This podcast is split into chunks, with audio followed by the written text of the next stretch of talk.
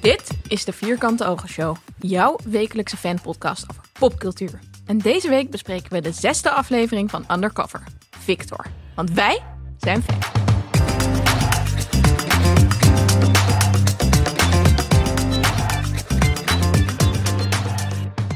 Ocean's 11, een AR-15, een AK-47, een onbekend telefoonnummer en een knaagsteen binnen handbereik. Geweld, intrige en een tragische afloop. Voor de een verlies, voor de ander victoire. Aflevering 6 van Undercover is een feit. En zo is het. Mijn naam is Anna Luna. En ik eh, ben niet heel veel verder gekomen dan een waterpistool schieten. Al heb ik wel eh, twee keer met een schoolreisje ook boogschieten gedaan. Ook vet leuk. Ik ben Sikko en ik heb wel eens een M16 afgeschoten. eh, op blikjes en op eh, boomstammen. Was En in dat- Amerika zeker? Ja, dat was in Louisiana en dat was het geweer van het neefje van een vriend van mij. En dat neefje was 11. Maar had wel een heel leuk paars frontje op zijn M16. Dus dat maakte het wel veel gezelliger. Wauw. Wauw. Ik ben Esther en ik heb niks spannenders ooit afgeschoten dan een waterpistool. En ik heb eigenlijk ook niet echt de behoefte. Alright. Nou, we gaan deze week dus weer praten over de nieuwe aflevering van Undercover. Zoals je van ons gewend bent, doen we dat met spoilers. We bespreken de hele aflevering, inclusief het nogal intense einde. En eh, als ehm, je daar wat over te zeggen hebt, dan kun je ons natuurlijk bereiken op vriendvandeshow.nl slash vierkante ogen. Ja, nog even. Volgende week krijgen we dan waarschijnlijk meer Ferry. Maar eh, dat wordt echt een soort de tegenstelling der tegenstellingen. Want in een nieuwe Jumbo-reclame. Kijken jullie nog lineaire televisie? Nee. Nee. Nee, maar dan, dan zingt hij dus. en is hij. Singing in the Rain aan het doen. Dus ik, zat echt helemaal, ik was helemaal in een andere wereld getransformeerd afgelopen dinsdagavond. dat van, wow, hij echt zo'n sukkeltje in die reclame. En dan is hij zo'n baas in deze serie. Oh, het blijft me verwonderen. Ik vind dat sowieso altijd irritant reclame. Zo'n stereotype sukkelman die dan dingen niet snapt. Ik hou er niet van. Dit is waarom ik geen lineaire tv kijk. Precies de enige reden. Ander, ander leuk nieuwtje met eh, Frank Lammers, eh, Ferry. Die heeft aangekondigd op zijn social media dat Undercover verlengd wordt met een derde seizoen. En dat ze al zijn begonnen met opnemen.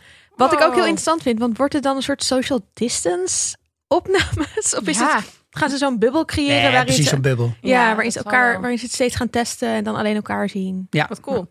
Nou, en dan weten we dus dat de kans vrij groot is dat hij de bak uitkomt. Want ehm, ja, dan krijg je toch wel een leuker seizoen. Ja. Dat vind ik tof. Om, En dat eh, hij niet doodgaat. is Ik vond het eigenlijk best wel vroeg dat ze het aankondigden. Ja, vond ik en, ook. en in de subtekst van dat, dat filmpje zat ook wel een beetje de opmerking van... Ja, ik weet dat ik al zes afleveringen er amper in zit. Nou, en vooral een beetje van, we weten dat de kijkers wel behoefte hebben Ja. aan meer Ferry. Dus ik denk dat ze dit ook nu naar buiten brengen. Zo van, jongens, blijf gewoon kijken, want Ferry komt wel weer. ja. Ik denk Dus het dat. ook. Ik zie ook op sociale media echt super veel mensen, heel, zeg maar Nederlandse kijkers, heel erg klagen over dat het veel te Ja. veel Belgen zijn, veel te weinig Nederlanders. André Ja. van Duin in Undercover. Dat willen we. Dat willen we. Wie we ook eh, graag nog een keer terugzien, is natuurlijk Danielle Elise Schaap. En die heeft eh, vorige week een televisiering gewonnen. Boom. Dus dat doet in elk geval vermoeden dat ehm, Undercover er graag ook wel weer erbij zal willen Ja. hebben. Ik hoop het, ja. Als ze haar ook zouden gaan killen, Ja, naast Anna. Drijver. Oké, hey, wat was jullie eerste reactie op deze aflevering? Nou, mijn eerste reactie was natuurlijk, totally called it. Vorige week hebben we het gehad over, ja, wat is er nou tussen die JP en die Victor? Schone maat. Hadden ze misschien een eh gay relatie? Was JP verliefd op hem? Was hij daarom zo gelukkig op die foto? Heeft eh, Victor hem misschien verraden? Bam. Ik had Ja. hem ook Allemaal een beetje, want het begon met een flashback. En ik zat echt van, ja, dit is wat ik zei. maar ik had wel gezegd dat het misschien een bottle-episode of een hele aflevering daarover. Dat was niet echt zo. Ik vond het vet dat Bob ook goed is in mannen versieren. Nou, Echt heel chill. ik vond hem Ja. er niet super goed in. Nou, dat, volgens mij werkt het prima. Volgens mij werkt het ook best wel goed. Ja, oké, ja, ja. Oké, nee, het was, ja, oké. Was best eh, smooth. Hij was wel smooth. En eh, de grootste verrassing van deze aflevering, daar hoeven we het denk ik niet al te lang over te hebben. Ja, het einde. Wat de shit. Wow. Eerst dacht ik, nee, ze gaan niet nog een toffe vrouwelijke hoofdrolspeler doodmaken, toch? Nou, ze was er bijna bij. Ze was er echt bij. En toen Zo.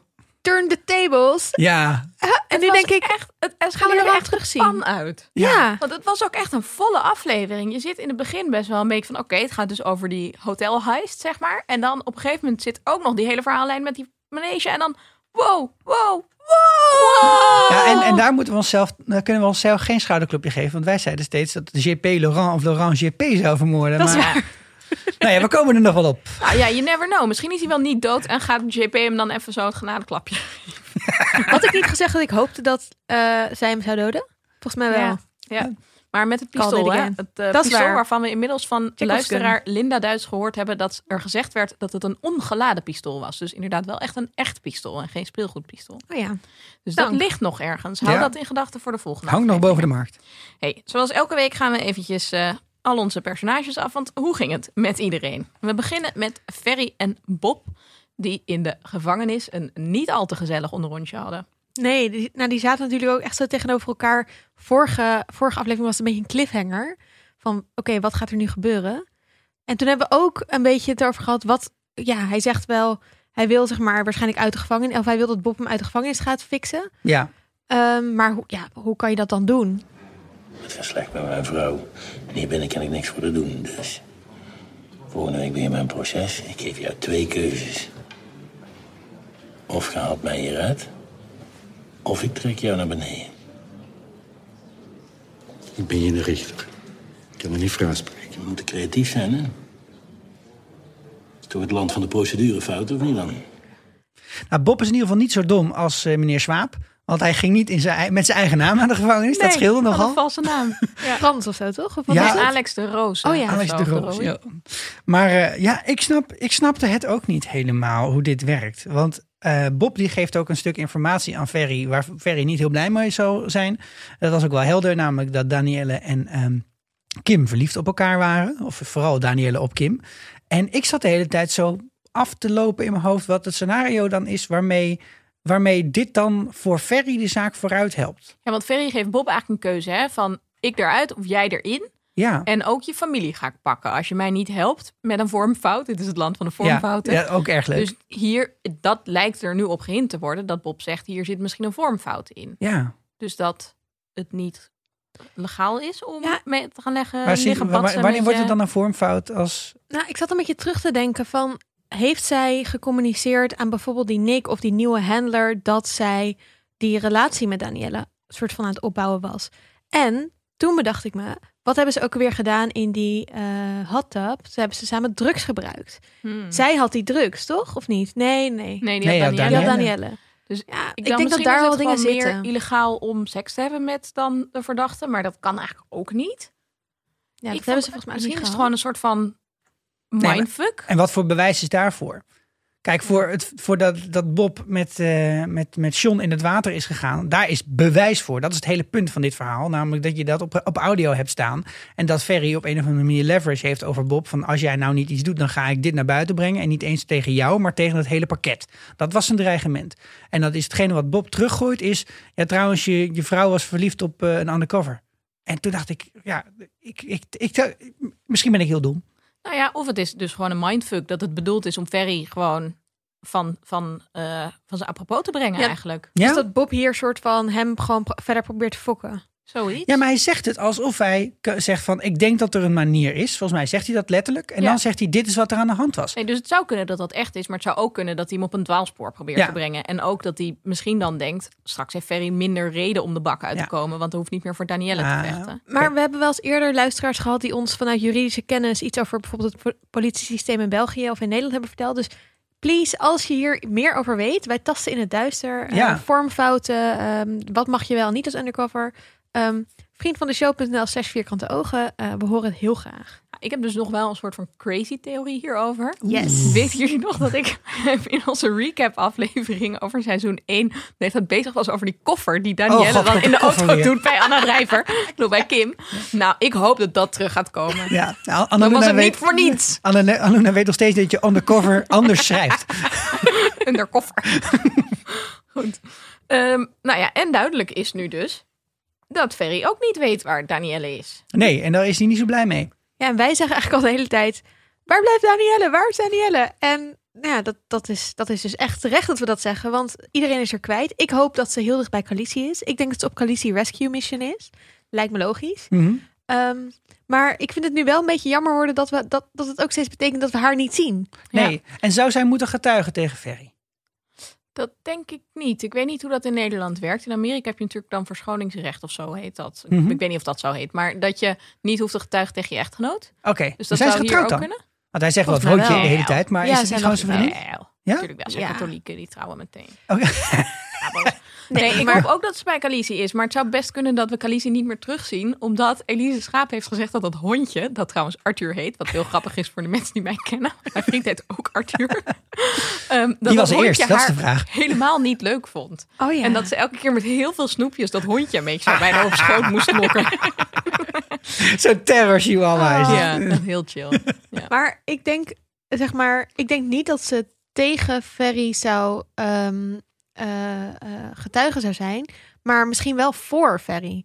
Dus ik denk wel dat Ferry erop rekende dat in het proces zij verzachtende dingen over hem zou zeggen als ja, maar hij was altijd een hele lieve husband en ik wist er helemaal niks van en ehm, ik weet niet, hij kan natuurlijk wel een soort van zij kan een karaktergetuigenis afleggen. Ja. En dat zij nu dus ehm, en daar komt dan het bij dat hij nu denkt: oké, ze kan me nog helpen door te zeggen dat eh, Kim haar soort van manipuleerde.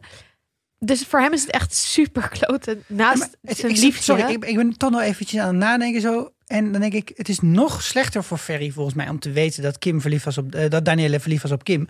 Want Kim is dood en die is doodgeschoten. En wie weet wie dat heeft gedaan. Straks wordt hij er nog van verdacht dat hij dat heeft gedaan. Ook nog. Ja. Was hij al toch? Of soort van. Ja, Daar dat werd, begon ja, dat mee, werd ja. wel, ja. En eh, dat maakt het alleen maar erger. Als hij dat zou weten, en je zou dat in misschien een is Bob rechtszaak. hem gewoon echt oprecht heel erg aan het fucken. Ja, Dat zou best wel kunnen dat Bob een mind game speelt. Maar ja, ik heb gewoon op dit moment niet helemaal het vertrouwen in Bob. nee. Same. Dus we moeten dat gewoon maar zien. En wat er gezegd werd was dus volgende week is mijn proces. Dus ik hoop dat we het ook volgende week Ja, dat ik ook. tijd. Woe, Ja. woe. Nog even voor we doorgaan naar de volgende mensen. Ik vond het dus echt heel leuk dat we nu Rico en Rico Suave hebben. Dus we hebben Rico Verhoeven en we hebben Enrico. Vind ik echt heel leuk. Wat een beest is die Rico. Hè? Zo. Jemig. Echt een soort van The Mountain, maar dan dunner. Sir Gregor. Chill.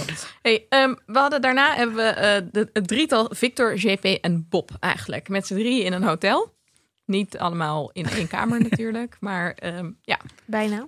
wat vonden jullie van, van, van eigenlijk eerst die scène waarin dus eh, JP zit natuurlijk te rukken in die hotelkamer in het allereerste scène Dat is van mij dus niet opgevallen hoor.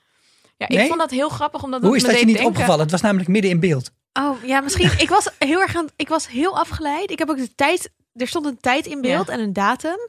En een soort van dit, dat, dat. Het is een beetje gekke camera. En ik was heel erg aan het opletten van. Zie ik hier clues? Welke tijd is Jij het? was Heb ik de wie is de opgeschreven. mol. Welke Oh, ja, datum ja, ja, heb ik opgeschreven? Dus dat heeft mij totaal afgeleid. 4, was dus 5, porno aan DE de mol. En ik vond het heel grappig dat het echt een beetje zo'n zo'n karakterschets als bij Anna Drijver, dus Kim, in het eerste seizoen was. Zo van, oh, die is nu in de club lekker aan het bangen Oh met een ja, anoniem ja. iemand. En dat was dat we nu ook JP, zeg maar, een iets andere manier leerden kennen. Goed. Ik vind het met minder haar mooier, JP. Dat rare krullenbosje, Ja, dat, eh, dat deed mij Ja. dat bij niks. Ik niet. Nee? Oké, Nee. nou mooi. Meer krullen, meer beter. Maar we kregen dus wel ehm, bevestigd eigenlijk dat JP ge- gedreven wordt door het verlangen naar wraak. We hebben het zelf ook wel een beetje over gehad van wat drijft JP. En we kregen vorige week ook van luisteraar Sarah een berichtje hierover. Want die zei ja, eigenlijk de hele tijd is JP het enige wat hij aan het doen is, is proberen zo min mogelijk risico te nemen. Dus hij is helemaal niet bezig met heel veel geld verdienen. En als er heel veel geld voor zijn neus ligt, dan loopt hij soms alsnog weg, omdat hij maar uit de bak wil blijven. Maar als je hoofdprioriteit is uit de bak blijven, dan kun je misschien gewoon beter geen wapenhandelaar Ja, worden. Ben je de paarden gefokken, vriend? Easy. Ja, dus hij is bezig. ehm, ja, hij is, hij, dat horen we op een gegeven moment. Hij is dus overal waterputten aan het bouwen, waar die Victor de afgelopen jaren wapens verkoopt. Maar hij gaat dan dus wapens verkopen aan de tegenpartij. Dus hij voert eigenlijk oorlog via anderen. Hij voert oorlog tegen Victor door een soort van de oorlog die, ze, die Victor financiert, de tegenpartij te financieren of te, te bewapenen. Dat is best wel een heftige Best wel vorm van wraak Een hele Ja. zware haat-liefde. Ja, en ook wel een beetje, zeg maar, oorlog en liefde overwinnen alles. Of, Ja. wat is het? Liefde In, en... in, in liefde en oorlog is alles, Alles geoorloofd. geoorloofd. Ja, dat, dat is, Sorry. is iets anders. Ehm, ja, nee, ik, ik, ik vond dat wel. Ik vind het fijn dat we iets meer backstory hebben daarbij bij JP. En hij krijgt voor mij ook iets meer. Ja, ik leer gewoon meer over hem. Dus ik in- ben weer invested of zo in hem. Aan de andere kant is het voor mij geen enkele reden om hem minder een eikel te vinden. Nee, hij blijft Nee. onsympathieke lul. Nee. En ik blijf het gebruik van flashbacks heel discutabel vinden. Dus eigenlijk altijd slecht schrijfwerk komt het op neer. Want je zou dit verhaal ook op een andere manier kunnen vertellen. Nu vond ik het wel prima dat dat dan zo achter elkaar zat. Van oké, dit is dan even duidelijk één flashback. That's fine. Maar toch denk ik dat het nog het kan nog spannender door het gewoon niet op die manier te vertellen. En dat heb ik geleerd van Game of Thrones. Heb je nooit een flashback en dan wordt het toch heel spannend, wordt, wordt verteld wat er in het verleden is gebeurd. Behalve die cold opening, want dit is een soort cold opening. Die Ja. me deed denken aan Cersei met die profetie. Ja, dat vond ik ook Dus in slecht. die zin vind ik het eigenlijk wel vet. Er is ook een hele slechte flashback naar het huwelijk van Lyanna en eh Rhaegar. ja, Dat is ergens in een van de laatste seizoenen. dus dat precies, telt maar, maar, toen, maar toen, toen was het niet meer geschreven door George. af. Maar met die cold opening ben ik met je eens. Daar werkt het wel. Waar ik het ook niet vind werken in deze aflevering, Ja, is bij die heist. Ja. Dus Ja. dat is een soort van, oké, ik heb een plan. En dan zie je zo'n montage van, oké, dan gaan we eerst dit doen. En dan dat doen. En waar ik dan echt heel slecht tegen kan. Dus ik vind dat je, wat je moet doen, als je dit doet. Want hè, we weten, heists komen heel vaak voor in Een heist films. is dus een soort van dat je een kraak gaat doen of zo. En dat je een soort Ja. van elaborate plan hebt. Ja. Het typische voorbeeld is Ocean's Eleven. 12, Ja. Ja, 13. nee, de, Ocean's Eleven was volgens mij de eerste film waar ze het op deze manier deden. Waarbij je dus dat het verleden en de toekomst en het heden door elkaar heen laat. Geëdit. Ja, maar dan- Met een soort commentaar van, oh, we Ja. gaan dit zo plannen. En oh, dit gaat er mis. En dan springt hij uit een doos. Ja. Ja, maar wat ik dus vind dat je dan moet doen, is je gaat het zo, je vertelt wat je gaat doen en dan laat je zien hoe het gebeurt. En dan als het dus misgaat, zie je dat ook in het plan. Ja, Want ik vind het dus heel slecht dat je eerst zie je helemaal uitgespeeld hoe het zou moeten werken. En dan zie je helemaal uitgespeeld dat het niet zo loopt. Ik vind dat irritant. ja Ik nou, kan er dan, niet tegen. Ja, dan zit de spanning niet in het verhaal, maar dan zit de spanning in hoe je het edit. Ja, en dat, ja. dat voelt lui aan. vind ik. Ja. ja. maar ik vond het wel, want ik hou eigenlijk wel heel erg van heist movies. Omdat, dat is heel raar, maar ehm, een beetje dat van wow, we hebben nu een plan en het loopt allemaal op rolletjes. Dat vind ik dan heel chill. Maar dat is natuurlijk totaal onrealistisch.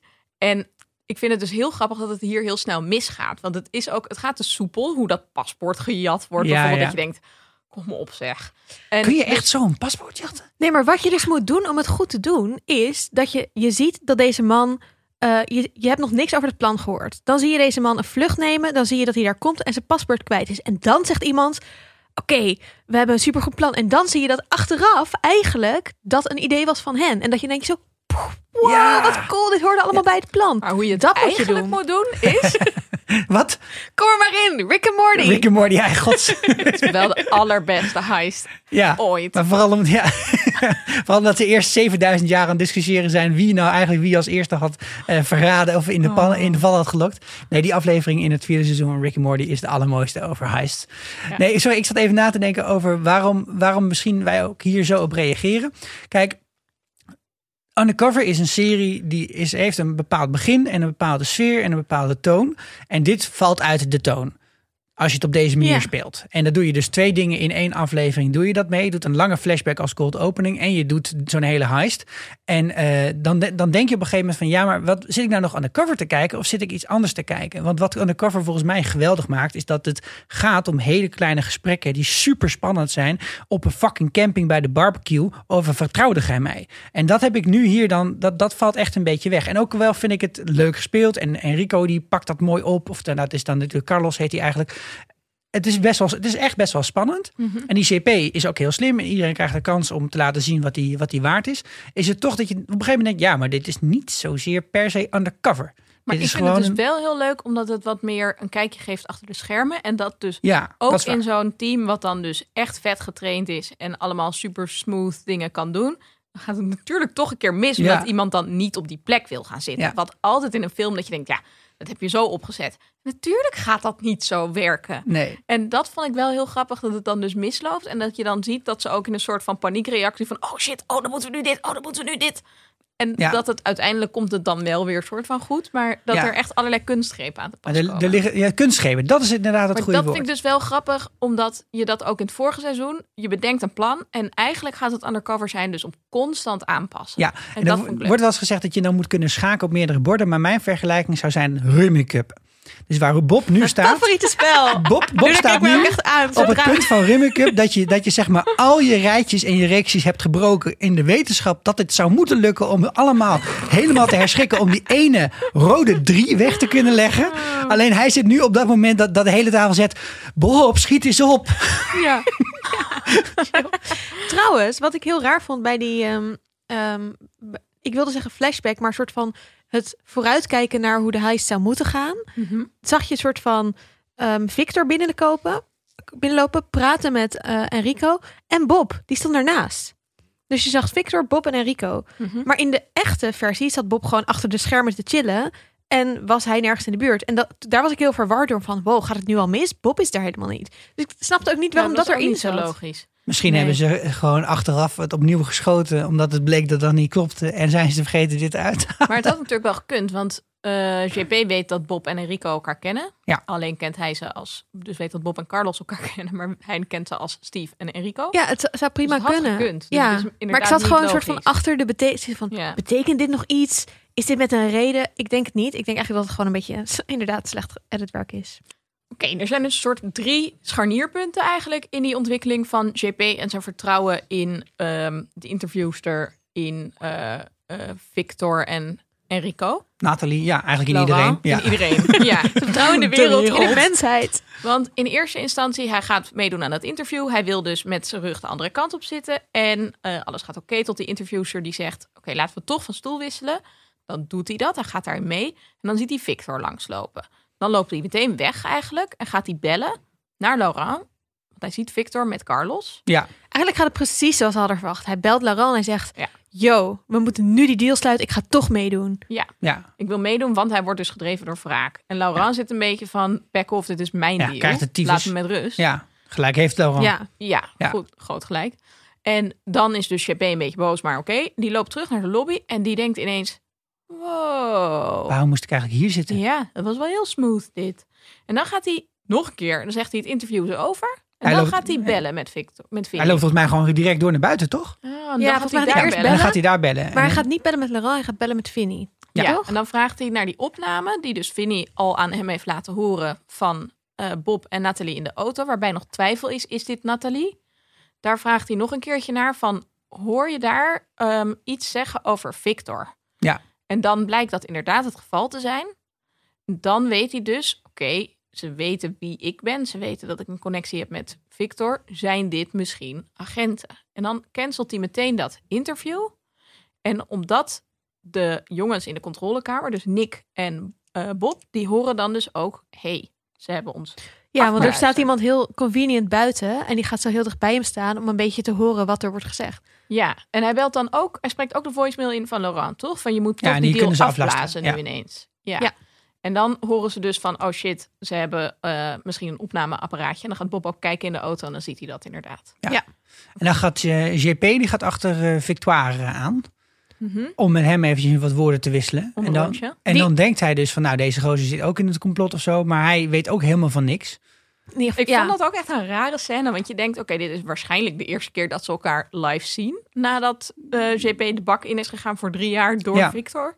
En dan zeg je niet even, wat ben jij een ontzettende paardenlul. Maar hij kreeg wel een flinke tik in zijn bek. Dus misschien Ja. was, dat, eh, was dat de impliciete boodschap. Ja, ik zou altijd ook nog dat willen uitspreken, maar goed. Ja. Maar het is ook wel grappig, want Nee, Victor is, eh, zegt natuurlijk: eh, ik, eh, ik weet er niks van. Dit is de eerste keer dat ik die gast ooit heb gezien, bla bla bla. Wat klopt. Maar JP is zo slecht in vertrouwen. Ik bedoel, dat hebben we tot nu toe ook steeds gezien. Hij vertrouwt niemand. Waarom zou hij in godsnaam Victor Ja, vertrouwen? en terecht dat hij die niet vertrouwt. Nee. die Nee. heeft hem het meest Precies. direct Dus genaaid. wat Victor nu zegt, is natuurlijk precies wat hij ook zou zeggen als hij wel daar een verhaaltje had gehouden met Enrico over die. eh, ja, ja. Dat, ja dat, dat helpt inderdaad niet heel erg Nee. veel. Nee. Maar goed, dan, dan hè, Bob denkt: oké, eh, ik heb nog één, eh, ik heb nog een idee. En Ja. ik moet wel zeggen dat ik op dat moment ook, ook wel echt dacht: wat kan hij in godsnaam nog Dat doen? had ik ook. Ja. Ja. Wat, in, en, en toen ging je met Victor praten en toen dacht ik echt in, in die bar. Ja, dat je denkt, huh, wat... Het, op Dit dat gesprek gaat helemaal nergens gaat heen. het ook ineens naar de manege aan de andere kant van, het, van de aflevering, zeg maar een beetje. Dus je hebt twee grote eh, punten in de aflevering. Ja. En ik dacht, gaat hij iets met die Jackson proberen of zo? Ik, ik snapte gewoon niet waar dit naartoe ging. En ik was zo verbaasd toen hij in die hotelbar ineens naast die Victor ging zitten. Wel dat hij heel opvallend met die portemonnee en zijn telefoon. Dat je denkt, wat is die nou aan het Ja, doen? ging er iets neerleggen, een soort kaartje of zo. Ik dacht misschien dat daar iets op staat. Nou, Maar goed, toen zagen we natuurlijk wat de bedoeling was. En misschien kunnen we ook even een fragmentje laten horen van, eh, van wat er uiteindelijk gebeurde. How was your day? Shitty. My boss is an asshole. Fuck him. Look, we know you like to work alone, but our South American friends really want someone they've worked with before. I trust you? It's what you need to do if you want to make this deal.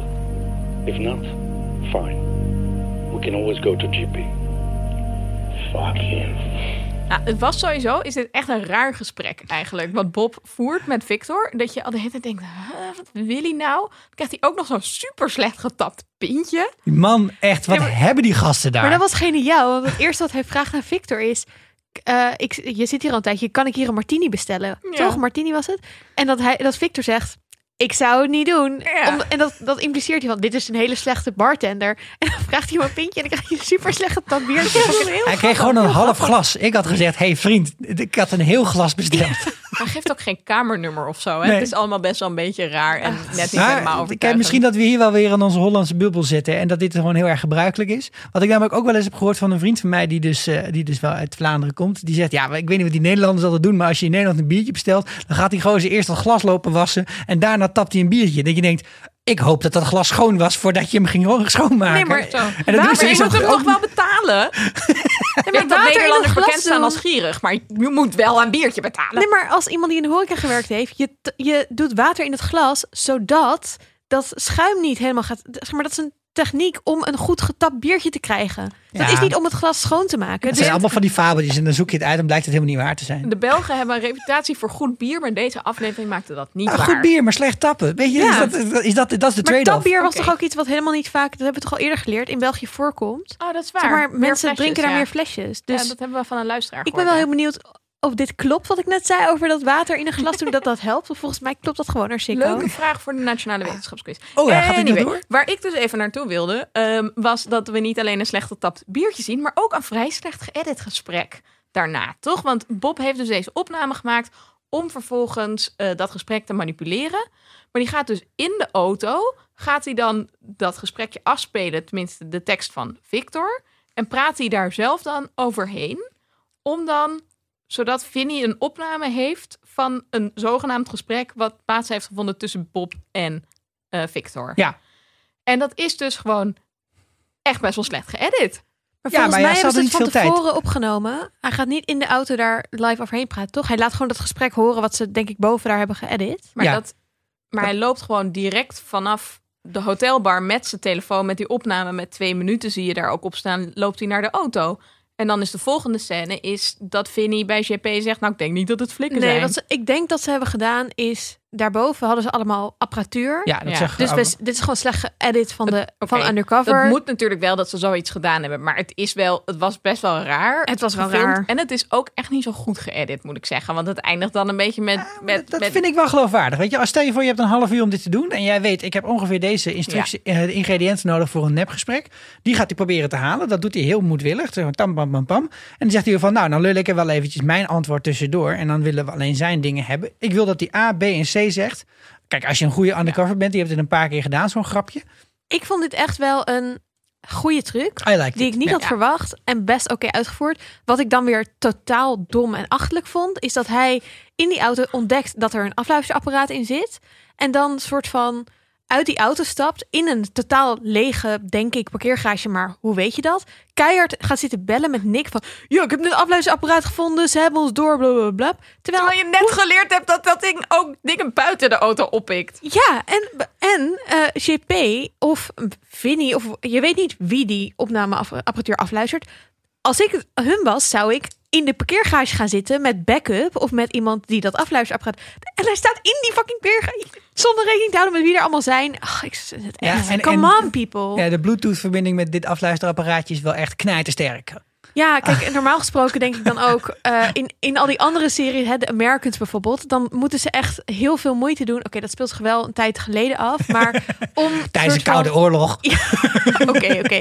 Maar je kan niet, in ieder geval, oké, ik weet niet of dat, hoe dat nu, nu is, maar dat is trouwens ook zo in Nee, God, weet je, bet- beton is beton, Esther. Dus je hebt gewoon Homeland. gelijk. Homeland. Eh, dan moeten ze ook, ze kunnen niet, je kan niet zomaar afluisteren en dan eh, vier landen verder, dus honderden kilometers verder, live meeluisteren naar zo'n opnameapparaatje. Je moet op een gegeven moment in de buurt zijn van het opnameapparaatje om al die audio eraf te halen en dat soort van terug te kunnen luisteren. Of je moet soms zelfs een tapeje verwisselen. Ja. Dus Mm. Er wordt hier heel erg gesuggereerd dat het allemaal live is. Maar als het echt allemaal live is, dan hebben ze de beste apparatuur die je kunt bedenken. ooit, Ooit. Ja, het zou kunnen. Misschien heeft Vinnie gewoon net nog even van Henk Swaap allerlei dingen overgenomen voordat Henkie de Dat gevangenis kan.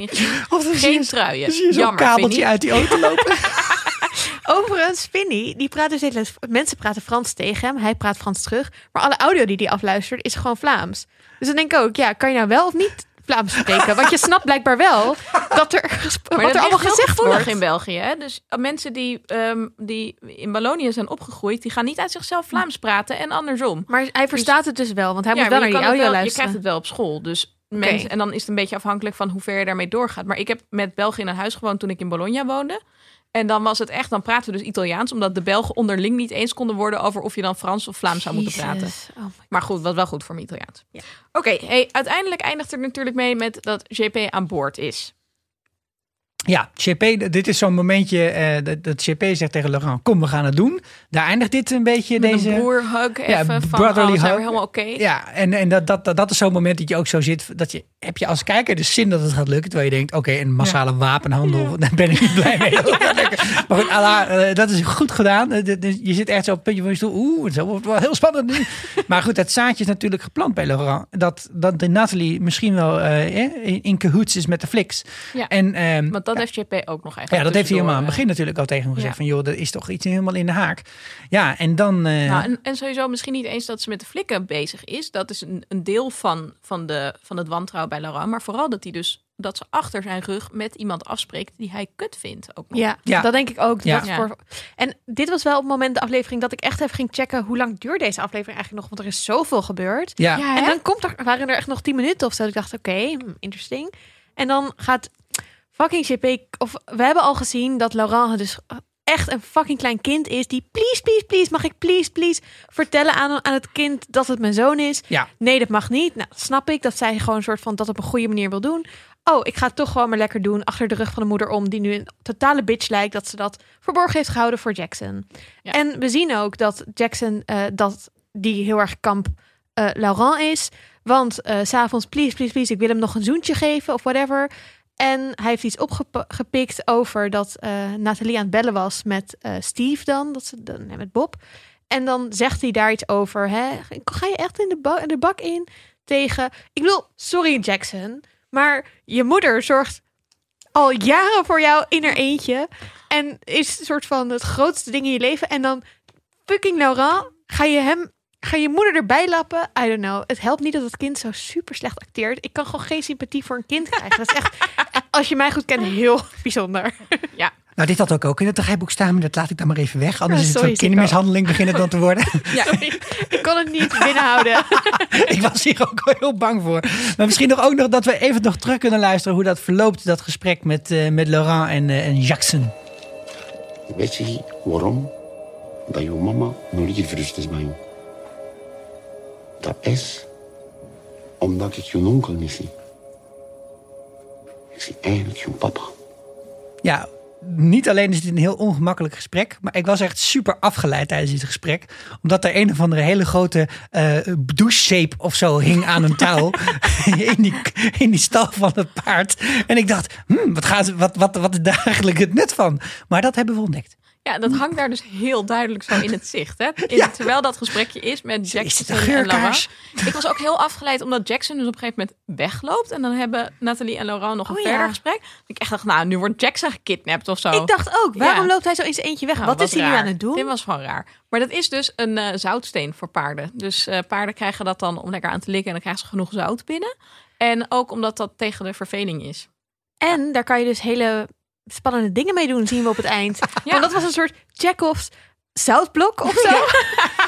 Dat is, ja, dat Hè, had ik het, ook is ons, het is geïntroduceerd. Ja. Maar goed, voordat we. Want eh, heel veel appreciation voor Nathalie, die natuurlijk Laurent tegen de vlakte slaat, uiteindelijk. Mhm. Maar ik had ook gewoon de hele tijd met die scènes tussen Laurent en Jackson, dat ik dacht.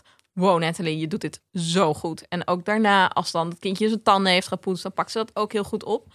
Maar eigenlijk al die waardering, die, ehm, ja, die ging gewoon in één keer weer van tafel toen ze geen code op haar fucking telefoon bleek Zo. te hebben. Nee, er waren Nou, wel wat meer problemen met die telefoon. Ik heb ook net al gezegd, Nederlanders staan bekend om gierigheid. We maken in Nederland natuurlijk graag grapjes, Belgemoppen over dat Belgen dan dom zijn. Ik probeer heel erg niet in dat stereotype te vervallen, maar ik vind het nu heel erg moeilijk. Je bent met een undercover operatie bezig en je hebt geen code op je telefoon staan? En, Come on! en niet alleen dat. Je belt als undercover met een fucking nummer in plaats van met anoniem. Je belt nog een keer. Als je weet dat er shit tegen de ventilator aanvliegt en dat het hartstikke gevaarlijk is van Nathalie. Dat weet Bob. Gaat die er bellen?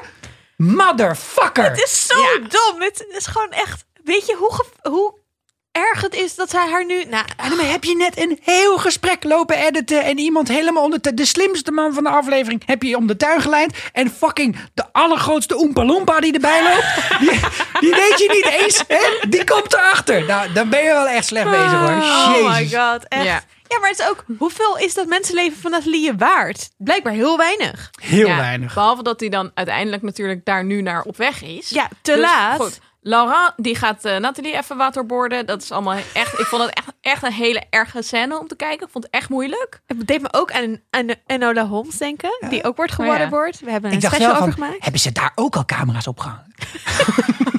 Ik moet ook, wat die, dat die scène heel sinister maakte, is dat je de hele tijd die paarden hoort hinniken op de achtergrond. Die Ja. helemaal in paniek raken Ja. van wat er gebeurt. Door de adrenaline. Adrenaline. Ja, die pikken dat toch ook op. Ja. Dus dat maakt het een soort van extra indringend, vond Ja, ik. ik vond het heel goed gedaan wel, deze scène. Ik Ja. vond het dus wel heel eng.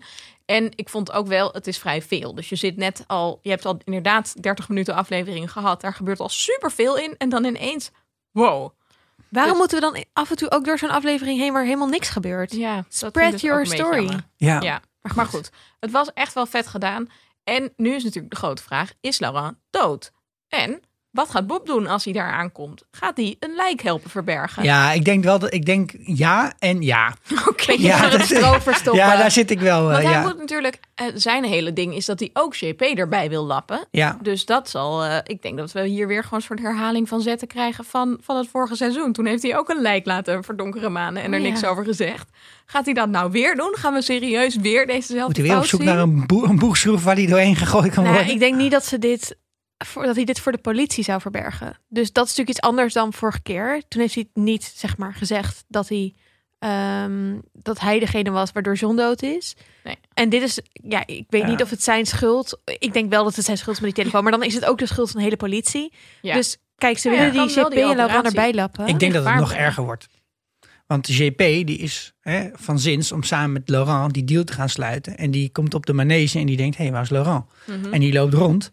En die, ik had het gevoel, ergens iets in mij zei dat hij er al was. En dat hij heel dichtbij was. Daarom vond ik deze scène extra spannend. ja. Dus ik heb het gevoel dat in de volgende aflevering hij gewoon de hoek om komt zetten.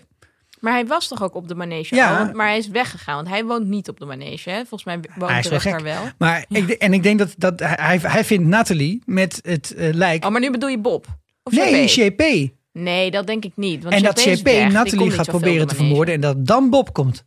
Nou, we weten natuurlijk dat Nathalie nog een gun heeft ergens. Dus dat zou best kunnen. Maar ik denk eigenlijk dat JP het nog niet weet. En dat het dan ook weer een soort van kat-en-muisspel gaat worden. Dat denk ik ook. Maar ik ben ook benieuwd of de volgende aflevering dan wel een bottle episode is met de rechtbank. Ja, ja. Eén ding wil ik wel nog even. ehm, we horen Bob weggaan bij Nick en daar ook zeggen: ik, ga, ik had een raar telefoontje van Nathalie. Dus hij kan het in elk geval niet voor, voor, voor Nick Nee. verborgen gaan houden, Nee. denk ik. Dit Nee. keer. nee, dat lijkt me ook heel. Ik bedoel, Bob is echt een sukkel, maar lijkt me onverstandig. Hey, we doen ook altijd natuurlijk even een rondje met wat we allemaal geleerd hebben deze aflevering. Eh, nou, ik dacht bijvoorbeeld. Goed puntje van Laurent dat ze gaan. Hij is in die manege zijn ze een of andere barbecue of zo aan het organiseren, toch? Met al die kippen. En dan zegt Laurent. Ja, hey, eh, je kan toch niet zomaar kaars op tafel zetten als we een benefiet houden voor eh, mensen wiens huis is afgebrand? Je gaat een benefiet houden voor mensen en dan ga je wel een barbecue houden? Dus kaars op tafel, nee, dat is echt gevoelig. Maar een barbecue Ja. met allemaal gebraden kippen. Ik vond Nee. het ook heel grappig. ik vond het heel grappig dat eh, Carlos en Laurent blijkbaar immuun zijn voor gehoorschade. Die staan Wow. die dingen af te schieten en die hebben gewoon niks op hun hoofd. Dat is toch ook heel onrealistisch? Ja, lijkt me wel. Nou ja, als je al zo vaak hebt geschoten met die dingen dat dat deel van je gehoor eigenlijk al gewoon eruit geknald is, dan maakt het daarna ook niet heel veel meer uit. Maar blijkbaar Rico kun je is dus- dus nieuw, nieuw to the game. Ja, nou ja, nee, hij moet natuurlijk doen alsof hij dat niet is, want hij, is, Ja, eh, hij wil een rebellenleider Ja. wezen. Wat ik, wat ik nog interessant vond, je blijkt een hele raket eh, afschiet in België op het hand, geen politie, mensen, niks. Oh ja, dat gebeurt. Nou, bij ons wordt er dan wel gebeld, toch, in de buurt. Denk ik ook. Ja. Eh, we moeten het ook even hebben over de ketting van Enrico. Want ik weet niet of jullie dat is opgevallen. Wat voor, wat voor ketting hij om een had. slang of zo. Nee, volgens mij is het een hand of een arm van een pop. Oh ja. Van een kinderpop. Oh, zo weird. Super creepy. Ik zal er even een foto van een vriend van de show plaatsen. Echt heel weird. Ik vond Ja. de punten voor Comic Relief deze afleveringen gingen sowieso weer naar Carlos. Ja. En ik wil even dit fragmentje erin. Emmers, zolang dat we maar diep genoeg kunnen boren om... Namaste, first of all. Oké, ik vond dit echt een hele grappige, eh grappig grapje. En ook omdat ik heel vaak bij yoga dingen geweest ben... waar iedereen al vet gestrest die studio inkomt. Dat je denkt, dit is niet het idee. Niet heel Niet helemaal het idee. Eh, ik eh, heb weer wat, wat Belgische woorden geleerd. Ehm, die zever die je in je kop gestoken had. Ik moet niet doen alsof, zeg maar, ik kan het niet Belgisch uitspreken. Vond ik een mooie zin van Laurent. Laurent. En wat betekent dat ook weer? Ja, dus een soort van de onzin die jou Oh ja. is verteld Ja, ja, of zo. Of die jij eh, die hem in Die, je in je hoofd gehaald hebt. Ja, dat die, is je- het dan. dat is het, ja, in je hoofd gehaald hebt.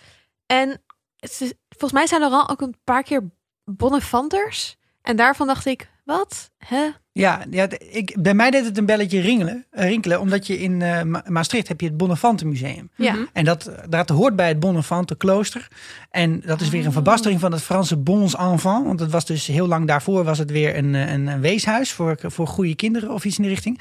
En volgens mij wat ze hiermee bedoelen is als ze het over Bonnefantes hebben, hebben ze het over Limburgers of over, over Nederlanders. Oh. Dat is volgens mij wat er aan de hand is. Wat Daarom, grappig. dat is een, ja, misschien een scheldwoord, maar Ik dacht dat het een soort scheldwoord was, maar Ja. dit, Dat klinkt kunnen. Logisch. Ik Ja, vind de bak thanks. invliegen wel echt een leuke manier om te zeggen dat je naar de gevangenis moet. Ik ga dit voortaan ook gebruiken bij, Mon- bij Monopoly. Oh ja, ik wou net zeggen, wanneer, in welke zinnen ga je dit poppen? Oké, hey, laten we het ook nog even hebben over wat we volgende week eh, kunnen verwachten. Eh, ja, nou, is Laurent dood of niet? Want we hebben het er net al over gehad, misschien is hij dood. Misschien ook wel niet. ja, ik denk dat hij dood is. Oké, ik denk eigenlijk ook dat hij Ja. dood is. Moet Bob een lijk gaan verdonkeren, manen? Nou, dat, eh, ik hoop het.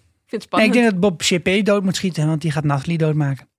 Ik denk dat hij een, een lijk gaat kunnen, ja. maar inderdaad, ja, nee. Hoe, gaat, hoe gaan ze het soort van voor GP verborgen houden dat Laurent er niet is? Nee, En dat is heel we weird. volgende week het proces.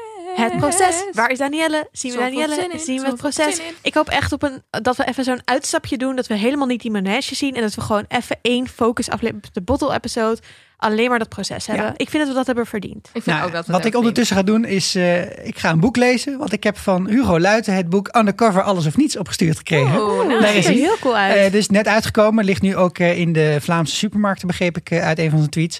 En eh, het heet Alles of Niks. En het speelt zich een, een, een tijdje voor Undercover af. Maar het is wel met Bob Lemmens. En hij is nog met zijn vrouw.